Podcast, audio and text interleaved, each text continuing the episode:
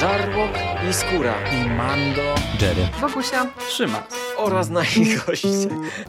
Zapraszamy. Zapraszamy. zapraszamy. zapraszamy. Zapraszamy.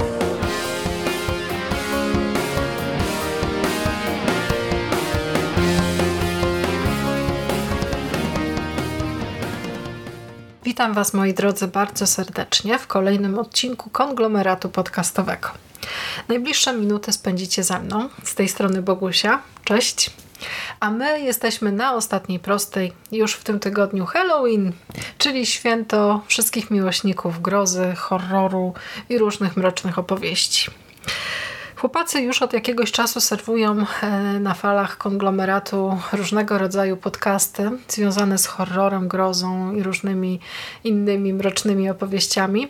E, dlatego też ja postanowiłam również e, dołączyć do tego, mm, do tego podcastowego eventu. Mm, to jest naprawdę bardzo fajna inicjatywa i te podcasty sprawiają, że jeszcze bardziej, z jeszcze większą ekscytacją czekam na, e, na Halloween, czekam na, to, na ten wyjątkowy wieczór. E, I jakoś tak motywuje mnie to też bardziej do tego, żeby te horrory oglądać i tak jakoś e, fajny jest ten czas. Tym bardziej, że w tym roku wszystko jest inne i wyjątkowe, więc e, taka odrobina pozytywnej energii e, i takiego jakiegoś właśnie fajnego czekania, no to jest rzeczywiście coś takiego pozytywnego i e, wszyscy potrzebujemy takich emocji, więc nic tylko się cieszyć. Ja postanowiłam opowiedzieć Wam dzisiaj o grozie komiksowej i jestem pewna, że tacy spostrzegawczy słuchacze, no to już zauważyli, że kiedyś e, na temat tej serii komiksowej już tutaj w konglomeracie mówiłam za sprawą pewnego crossovera, który miał miejsce. E, dzisiaj postanowiłam wziąć się za tę oryginalną historię, e, za to, co było początkiem i zrecenzuję dla Was komiks 30 dni nocy ze scenariuszem Steve'a Nilesa i rysunkami Bena Temple-Smitha. To jest komiks, który ukazywał się za granicą w roku, mm, od roku 2002. Wydaje mi się, że rok później już e, w Polsce można było przeczytać e, właśnie 30 dni nocy mm, tutaj po polsku, w polskiej wersji mm, za sprawą wydawnictwa Mandragora. E, ja tego komiksu wtedy nie, nie kupiłam, nie czytałam wtedy jeszcze były takie czasy, że mm, nie interesowałam się tak bardzo tą grozą komiksową. Mm, opowieści o wampirach uwielbiałam. Czytałam sporo e, tego typu książek, tego typu opowiadań, mm, ale komiksy to jeszcze była rzeczywiście dość odległa e, przyszłość. Nie to co teraz. I jakoś tak właśnie te historie e, małego alaskańskiego miasteczka Barrow i tego potężnego ataku wampirów, no to mm, ja poznałam dopiero za sprawą ekranizacji, mm, za sprawą filmu 30 dni mroku, y, który ukazał się, który miał swoją premierę w roku 2007. Mm, tam mieliśmy między innymi y, Josha Hartneta, Bena Fostera, Melissa George, y, Daniego Justona i jeszcze paru kojarzonych aktorów. I cała ta opowieść wydała mi się rzeczywiście na tyle fajna i e, no, z takim kapitalnym e, punktem wyjścia, e, że postanowiłam trochę podoczytywać właśnie po, e, po tej premierze i natrafiłam rzeczywiście na ten komiksowy pierwowzór i na opowieść która łączyła się do pewnego stopnia właśnie z serialem z archiwum Mix, mm, o czym mm, możecie sobie posłuchać, jeśli znajdziecie właśnie jeden z tych wcześniejszych e, moich podcastów, kiedy to recenzuję e, właśnie ten crossover 30 dni nocy i archiwum Mix. Mm, teraz e, w zeszłym roku, konkretnie w listopadzie, wydawnictwo Egmont pokusiło się o wypuszczenie na polski rynek wydania zbiorczego w postaci takiej pięknej, dużej księgi. Mam ją tutaj przy sobie, mm, tom pierwszy który zawiera właśnie te pierwsze trzy historie o Barrow. Mm, jest on wydany naprawdę kapitalnie. E, w skład tego zbioru wchodzą 30 e, dni nocy, czyli ten pierwszy, ta pierwsza opowieść, e, oficjalna kontynuacja Mroczne Dni mm, oraz e, część trzecia Powrót do Barrow i wszystkie te opowieści składają się na ten wyjątkowy i pięknie wydany tom.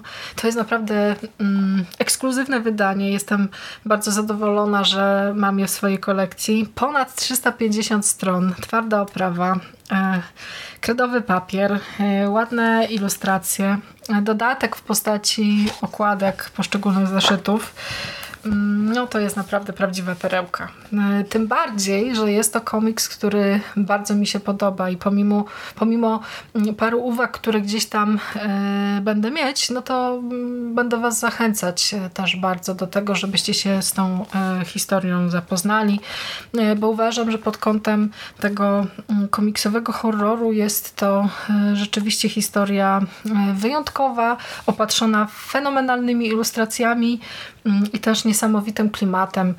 No ale o tym za chwilę. Przyjrzyjmy się może na początek twórcom.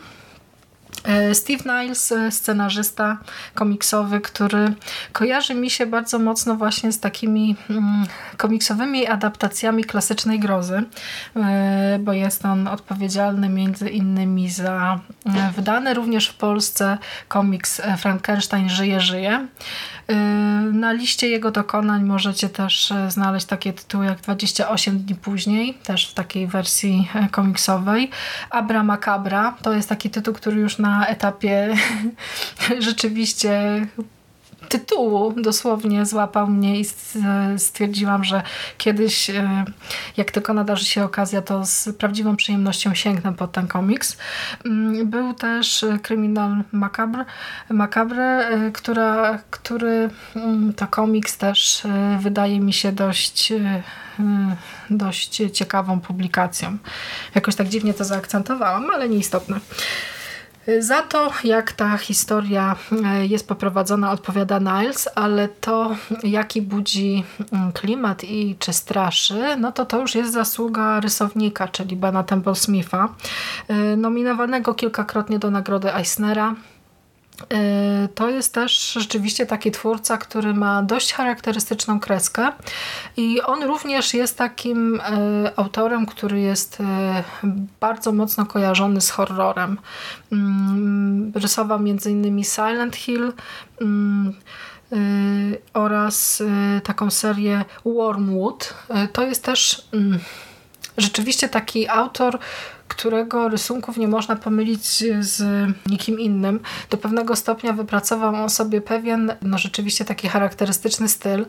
Jak sobie pooglądacie trochę właśnie jego e, prac w internecie, to zauważycie faktycznie takie elementy mm, no, spójne, e, powtarzające się, e, taki specyficzny sposób tworzenia tych, tych bohaterów. Wydaje mi się, że sprawdza się to bardzo dobrze, szczególnie jeśli chodzi o tworzenie wszelkiego rodzaju potworów, kreatur e, i innych wampirów, mm, co też oczywiście wpływa na, mm, na to, jak te historie są e, albo i nie są przerażające. A o czym w ogóle jest ta opowieść? Mm, no to wszyscy z Was, którzy mieli okazję oglądać film albo widzieć zwiastun lub tam gdzieś coś czytać w internecie, to pewnie wie, wiedzą, że 30 dni nocy to jest historia małej mieściny na Alasce, e, Barrow, mm, takiej miejscowości, w której jest zimno, jest e, daleko, czujemy się zaszczuci, żyjemy sobie w spokojnej, małej społeczności, a od 18 listopada do 17 grudnia nie wschodzi słońce. Mamy właśnie noc polarną, e, mamy taki czas, kiedy jest ciemno, zimno e, i przerażająco i musimy sobie z tym poradzić, jakoś przetrwać, przeżyć, mm, jakoś doczekać właśnie do tego wschodu słońca. I tutaj już rodzi się y, pewien pomysł, który złapał mnie i zachwycił od razu tą e, swoją niesamowitą prostotą, bo okazuje się, że Noc Polarna to jest e, fenomenalny patent na przeprowadzenie historii ataku wampirów na e, właśnie to małe miasteczko, bo o to generalnie rozchodzi się e, w tym komiksie. że mamy zamkniętą społeczność, odciętą od świata z powodu śnieżycy i właśnie tej nocy polarnej i mamy grupę wampirów, która e, skrzyknęła się i postanowiła zabawić się w polowanie na ludzi, atakując właśnie tę mieścinę małe Barrow. Mm, I teraz pytanie, czy ludzie przeżyją, jak sobie poradzą, czy wampiry są dystyngowanymi mówiącymi z pewną emfazą istotami, a może są to krwiożercze bestie? czy można się z nimi dogadać, czy raczej nie biorą jeńców? No o tym wszystkim właśnie jest, e, jest ten komiks. Druga e, z kolei mm, opowieść, czyli mm, Mroczne Dni, to jest już troszeczkę inna historia. E, opowieść, która prezentuje losy pewnej osoby, która przeżyła atak na Barrow i która postanawia, mm, bierze sobie za punkt honoru zdemaskowanie właśnie e, fakt e, istnienia wampirów. Mm, napisała nawet książkę.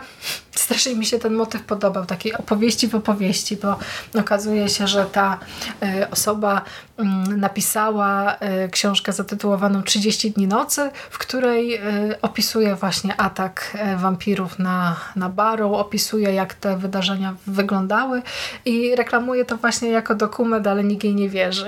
I wszyscy przyklejają do tego łatkę właśnie takich, no, że to, to jest fikcja, zabawa i w ogóle, ona bierze to wszystko tak strasznie, e, strasznie poważnie. To jest też e, historia mm, radzenia sobie z pewną traumą e, i radzenia sobie z żałobą jednocześnie, bo za całym tym za całą tą wizją horrorową, za całymi tymi schematami horrorowymi e, kryje się też e, dość ciekawie poprowadzona e, historia obyczajowa o tym, jak ludzie radzą sobie właśnie z różnymi ciężkimi sytuacjami. Tutaj jest też wątek mm, romantyczny wprowadzony, który niekoniecznie wychodzi tej opowieści na dobre, ale to mm, bez zagłębiania się w szczegóły no, powiem tylko tyle, że coś takiego jest i nie ma nic wspólnego ze zmierzchem. O. Trzecia część, powrót do baru, jak sama nazwa wskazuje, wracamy na Alaskę, e, gdzie e, minęły 3 lata od e, wydarzeń z pierwszej części, z 30 dni nocy i obserwujemy to, jak społeczność Barrow radzi sobie po tych wydarzeniach, czy wyciągnęli wnioski, czy mm, wampiry nadal atakują, czy ludzie są lepiej przygotowani i tak dalej, i tak dalej. To jest właśnie taka opowieść która może jest też e, najbardziej odtwórcza, e, najbardziej bazująca jakby z tego oryginalnego pomysłu, mm, ale jest w niej również kilka takich elementów, które, które są fajne i które y, pomimo pewnego rodzaju powtarzalności, no to jednak y, jest tutaj też trochę dodanych rzeczy, więc mimo wszystko y, warto po, to, po, po te historie również sięgnąć. Fajnie jest, że te wszystkie trzy opowieści są zebrane w jednym tomie, bo można rzeczywiście poznać ten trzon, e, te, te trzy najważniejsze opowieści stanowiące właśnie fundament całego tego e, uniwersum 30 dni nocy przed zagłębieniem się w kolejne e, historie, które znalazły się w tomie drugim, który również w Polsce został wydany w tym drugim, wydaniu zbiorczym. Mam nadzieję, że kiedyś będę miała okazję także i tamten tom dla Was zrecenzować, bo ja go jeszcze nie mam w swoich zbiorach ale już zacieram ręce, bo e, jestem ciekawa, co też tam e, twórcy tych komiksów e, pokombinowali. Co jest takiego wyjątkowego w 30 dniach nocy? Już pewnie z tego, co mówię, możecie wywnioskować, że ja jestem fanką tego pierwotnego pomysłu, tego początku, tego wydarzenia, które stanowi właśnie punkt wyjścia całej tej opowieści, czyli to, że mamy małą mieścinę noc polarną i atakujące wampiry. To jest pomysł, który jest w swojej prostocie genialny. Ja aż dziwię się, że nikt e, wcześniej przed e, Nilesem i Temple Smithem nie wpadł na to, żeby wykorzystać potencjał, jaki e, łączy się właśnie z miesiącem mroku, miesiącem bez słońca, kiedy rzeczywiście wampiry mogą wyruszyć na polowanie, mogą rozpocząć orgię krwi i świetnie się bawić, polując na ludzi. Mm, tutaj jeszcze dodatkowo dochodzi właśnie ten element izolacji, ten element e, odciętego od świata małego miasteczka. Troszeczkę jak czytałam ten pierwszy, mm, ten pierwszy segment, e, tę pierwszą opowieść, to miałam lekkie skojarzenia z coś Carpentera, ale to chyba właśnie z powodu tego, że akcja dzieje się zimą i że jest właśnie taki e, motyw odcięcia od świata, motyw takiego zamknięcia. Z tym, że tutaj właśnie nie mamy jakby zamkniętej bazy, takiej ograniczonej przestrzeni, tylko właśnie jest to miasto, które e, też ma sporo takich rzeczy, sporo takich miejsc, sporo takich zakamarków, w których możemy się ukryć, jakieś tam wąskie uliczki. E, podoba mi się też bardzo to, że wampiry e, sprawiają wrażenie strasznie zorganizowanej społeczności, bo tutaj jest też poruszony taki wątek, że oni się skrzykują, właśnie powiadamiają nawzajem że słuchaj, tutaj dnia tego i tego. Spotykamy się w miejscu takim i takim i będzie zabawa. Będziemy polować na ludzi. Dodatkowo ta akcja dywersyjna jest też przeprowadzona całkiem sprawnie, bo on, one e, niszczą łączność. Jedną z pierwszych scen e, całego komiksu jest e, taki motyw właśnie z dołem wypełnionym telefonami, krótkofalówkami, różnymi tam innymi przedmiotami, które służą do komunikacji. To wszystko jest właśnie w tym dole spalone, zniszczone. E, wysyłają także kogoś na, przesz na przeszpiegi, takiego zwiadowcę. To jest też bardzo fajny motyw właśnie, e, kiedy to główni bohaterowie ludzcy z tej ludzkiej strony, czyli Stella i Eben e, znajdują go właśnie w knajpie proszącego o surowe mięso, aresztują go, zamykają w celi, a on się z tej celi dość widowiskowo e, wydostaje i właśnie grozi, że już wkrótce tutaj wszyscy przestaniecie żyć, bo oni nadchodzą i wy się nie ukryjecie. Oni, czyli wampiry. Kreacja wampirów w tym komiksie jest również czymś, co e, strasznie mi się podoba. Naprawdę szalenie mi się podoba wizja e, wampirów w tym komiksie, bo tutaj mamy naprawdę wampiry dzikie, wampiry nie okiełznane, prawdziwy żywioł, e, istoty, które, którym zależy właściwie tylko na zaspokojeniu tego swojego e, apetytu. One też są rysowane naprawdę bardzo, w bardzo ciekawy sposób, bo to pomimo tej właśnie humanoidalnej formy wyglądają jak ludzie, ale w dużej mierze składają się właśnie z długich szponów, ostrych zębów yy, i takich powykrzywianych, zniekształconych twarzy. O rysunkach jeszcze powiem, powiem trochę później, ale już y, myślę, że na etapie opowiadania o kreacji wampira w 30 dniach nocy, no to warto to podkreślić już teraz. To jest też komiks, który jest y, bardzo brutalny. Y, ta brutalność jest też zaprezentowana w sposób dość nieoczywisty dzięki y, wizji Temple Smitha, który niektóre rzeczy pokazuje dosłownie, inne na zasadzie jakichś właśnie porozmywanych plam. Mm, jest y, tutaj sporo gor i jest też sporo właśnie takich e, dość widowiskowych e, momentów, kiedy te wampiry atakują, rzeczywiście rozrywają gardła, rozrywają swoje ofiary, wyrywają ręce. Mm, jest też sporo kadrów z ze strzelaniem, robieniem dziur w głowie i, i różnymi innymi tutaj dekapitacjami. I to wszystko na poziomie właśnie tej opowieści e, sprawdza się bardzo dobrze. Właśnie za sprawą rysunków Temple Smitha, który, e, jak już wspominałam, jest twórcą szalenie kreatywnym, e, szalenie mm, charakterystycznym, takim z wypracowanym własnym stylem, ale jednocześnie nie nieoczywista jest ta jego kreska, bardzo taka wyjątkowa, e, przewodząca na myśl rzeczywiście wizję sennego koszmaru, bo to, e, to miasteczko i te poszczególne kadry e, prezentujące rzeczywistość Barrow i te wszystkie lokacje, rozmowy między bohaterami, to tutaj często jest zastosowane właśnie mm, pewnego rodzaju rozmycie kontura, coś co mm, przywodzi mi na myśl rysunek wykonany pastelami, takie porozmywane, porozmazywane obrazy. Mm, jakbyśmy patrzyli na świat za jakiejś brudnej szyby, takiej, którą właśnie próbujemy sobie przetrzeć rękami, żeby wyraźnie widzieć, a właściwie to pogarszamy, e, pogarszamy tylko sprawę. Mm, I albo na przykład za e, śnieżnej zamieci, bo tutaj właśnie ten element związany z zimą, ze śniegiem padającym, jakimiś tam właśnie zamieciami, zawijami, e, brakiem światła, no to to wszystko właśnie wpływa na to, jak kapitalnie budowany jest klimat w tej historii. Mm, jedyna rzecz, do której mogę się przyczepić trochę w kwestii rysunków, to e, fakt, że mm, tutaj czasami ta dysproporcja w budowaniu postaci mm, jest faktycznie taka, no, jak się patrzy na te kadry, to aż tak to wszystko jest właśnie takie odrealnione i, i takie niewiarygodne. No, mamy do czynienia z opowieścią o wampirach, więc właściwie to powinno takie być. Ale tutaj czasami też mm, obserwując na przykład bohaterów, e, których wiem, że są na przykład Stella i Eben, to oni e, nie wyglądają tak samo na następujących po sobie kadrach.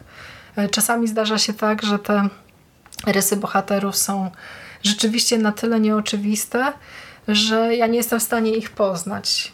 Znaczy niby wiem, że to jest ten bohater, ale on wygląda zupełnie inaczej, więc ta dbałość o ciągłość y, wizualną, pewnego rodzaju spójność, no to tak tutaj y, nie do końca jednak, y, jednak zadziałała. To, jak bardzo działa ta opowieść, wynika oczywiście z tego, w jaki sposób budowany jest klimat, a tutaj te rysunki rzeczywiście ten klimat tworzą i sprawiają, że faktycznie ten komiks jest no, czymś czego mm, dawno nie widziałam, czego chyba nigdy nie widziałam, bo ja jestem przyzwyczajona do takiej kreski raczej tradycyjnej właśnie, do takiej e, z oczywistymi konturami, do takiej kreski, w której nawet jeśli artysta trochę bawi się rysunkami, to jednak do pewnego stopnia nie zaburza to mojego odbioru. E, zdaję sobie sprawę, że e, taki nie do końca wprawiony komiksomaniak może mieć z rysunkami Temple Smitha spore problemy bo e, one na dłuższą metę e, są dość e, ciężkostrawne i żeby te niektóre sytuacje zobaczyć dokładnie, to trzeba się w te obrazki dość intensywnie wpatrywać, albo też na przykład jak są te sceny dynamiczne, to kreacja wampirów jest ok, bo one są faktycznie takie porozciągane i te kły są wyekspo, wyeksponowane właśnie na pierwszym planie, te pazury, y, ale ja czasami łapałam się też na tym, że tak nie do końca wiem, co się dzieje, y, bo wiecie, mieliśmy na przykład kadr, na którym jest y, powiedzmy białe tło i jakaś tylko taka plama czerwona, nie? Tak tak bardzo awangardowo podszedł e, Temple Smith do tego tematu, mm, co y, może być zaletą, może być wadą. Mnie akurat te e, rysunki bardzo kupiły i bardzo spodobały się, spodobała się ta wizja, wizja rysownika, więc to jak najbardziej im plus. Mm, chociaż przyznam się Wam do czegoś, że ja czytałam ten komiks teraz po raz drugi i jak za pierwszym razem zupełnie właśnie na jedno takie posiedzenie usiadłam i przeczytałam całość, tak teraz y, no musiałam robić sobie przerwę. Rzeczywiście czytałam blokami, że najpierw tam pierwsza część, potem druga i trzecia, bo y, rzeczywiście wpatrywanie się w te kadry, pomimo pewnego rodzaju przyjemności, którą odczuwałam, no to jednak y, czułam się też trochę zmęczona. Więc rysunki jak najbardziej ok, jako budowanie klimatu. Mm, chociaż też mogą rzeczywiście zmęczyć, ale coś, co mm, może być pewnego rodzaju problemem y, dla mm, czytelników, to jest fabuła, która jest niestety bardzo prosta i która y, bardzo często niestety nie bawi się z czytelnikiem, bo tutaj dostajemy właściwie to, czego można oczekiwać. Jedynym wyjątkiem jest tutaj ta druga część, czyli Mroczne Dni, w której rzeczywiście twórcy mm, postawili na nieoczywiste rozwiązania. Pojawia się też tam na przykład postać sympatyzującego z wampirami agenta FBI, e, co było dla mnie dość ciekawym posunięciem. Albo właśnie cały ten motyw z mm, panią wampirów, z szefową wampirów, która okazuje się ich matką i która też e, czeka na, e, na to, żeby swoją zemstę wypełnić. Czy to się uda, czy nie, no to już odsyłam Was do lektury e, komiksu. E, ale rzeczywiście ta fabuła ma sporo luk e, fabularnych, sporo takich momentów, kiedy mm, rzeczywiście mm, no, sytuacje nie wynikają jedne z drugich, e, albo na przykład e, nie do końca odczuwamy upływ czasu. E, ja miałam to podczas lektury tego pierwszego segmentu, tego pierwszego bloku, bo to jest niby miesiąc, ale tak jakoś w mojej wyobraźni to wszystko rozgrywało się bardzo szybko. Tak zamiast tych 30 dni właściwie myślę, że całość akcji zamknęłaby się spokojnie w ciągu, no nie wiem, tygodnia chociażby. Nie ma żadnych takich akcentów, które by e, sprawiały, że mogę się zakotwiczyć tu i teraz, które, e, takich elementów, które sprawiają, że wiem, e, gdzie jestem i jak ta akcja długo trwa. Więc tutaj mm, faktycznie to może też do pewnego stopnia wprowadzać pewnego rodzaju chaos. No i niestety też bohaterowie tutaj też mogą być no, nie do końca tym satysfakcjonującym y, elementem, bo okazuje się, że są oni naprawdę bardzo słabo zarysowani. To wszystko wynika z tego, że ten scenariusz jest też, tak jak wspominałam, bardzo prosty i niepozbawiony luk. Natomiast tutaj y, w przypadku bohaterów to problemem jest to, że są oni naprawdę tak bardzo słabo podbudowani. Tu y, to jest taki komiks typowo rozrywkowy, nastawiony na e, konkretną akcję, e, na wywołanie w czytelniku konkretnych emocji. E, I autorzy nie martwią się w sumie tym, że my nic o tych bohaterach nie wiemy, tylko po prostu wrzucają nas w akcję, prezentują wydarzenia, pozwalają nam uczestniczyć w jakichś tam właśnie brutalnych mordach, mm, ale poprzez ten brak podbudowy charakterów y, poszczególnych postaci ja też nie do końca jestem w stanie z nimi sympatyzować. Znaczy ci główni bohaterowie Stella i Eben do pewnego stopnia są tam zarysowani jako tacy no, niezłomni, kochający się małżonkowie, stróże prawa, więc y, ale to są właśnie takie rzeczy, które ja bardziej sobie dopowiadam, niż wypływają one z, z, z fabuły. W trzeciej części mamy też bardzo ciekawą postać nowego szeryfa Briana Kitki, e, który przyjeżdża do Barrow e, na krótko przed nocą, e, nocą polarną, żeby objąć to stanowisko szeryfa. I on ma też tam pewnego rodzaju właśnie rodzinne powiązania z tym miejscem, które może i są nieco bardziej rozbudowane, ale też mimo wszystko czuję tutaj e, pewnego rodzaju braki. Jest właśnie wspomniana przeze mnie postać, e, postać agenta FBI, który też e, jest chyba takim bohaterem, który bardzo mocno, bardzo mocno rokuje. Są też przyjaciele pewnej postaci, która przeżyła atak na Barrow. No, cały czas tak omijam te, te, te, te fakty, żeby wam tutaj za dużo nie zdradzić, bo jedno słowo za dużo i cały element element zaskoczenia zniknie, a nie chciałabym nikomu mm, zepsuć zabawy e, przy czytaniu tego, e, tego komiksu. Pomimo rzeczywiście swoich wad i jakichś tam mm, elementów, które do pewnego stopnia mogą razić takich już e, czytelników, którzy oczekują czegoś więcej od komiksowej historii, no to uważam, że 30 dni nocy pod kątem horroru sprawdza się naprawdę bardzo dobrze. To jest całkiem świeże spojrzenie na e, wizerunek wampira. E, w popkulturze. Tym bardziej, że pojawiło się ono rzeczywiście e, w takim momencie, kiedy już ten e, motyw był dość intensywnie przerzuty przez popkulturę. Po- Potem jeszcze też oczywiście nastąpiła cała masa romantycznych uniesień z wampirami, mm, ale szalenie podoba mi się to, że tutaj twórcy postawili rzeczywiście na tę dzikość, na tę brutalność, na przemoc, której jest też rzeczywiście sporo, sporo w tym komiksie. E, Zauważam pewnego rodzaju rozbieżności pomiędzy e, filmem e, i komiksem.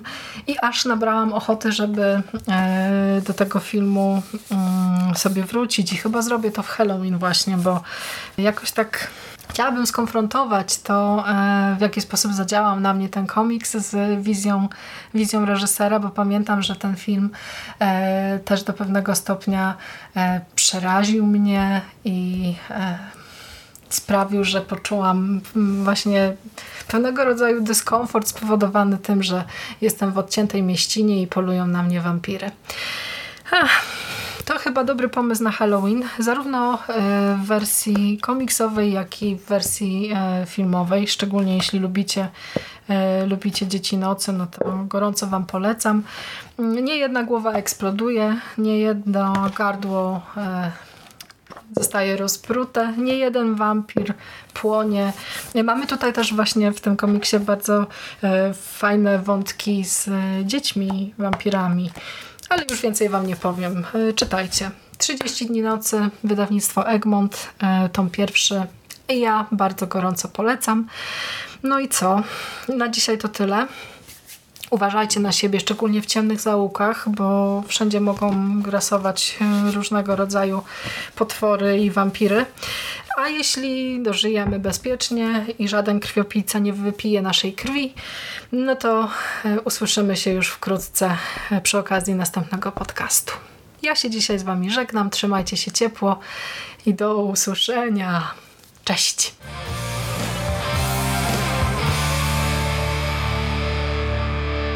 You finished? That's it, man. Game over, man. It's game over. What the fuck are we gonna do now? What are we gonna do? It's over.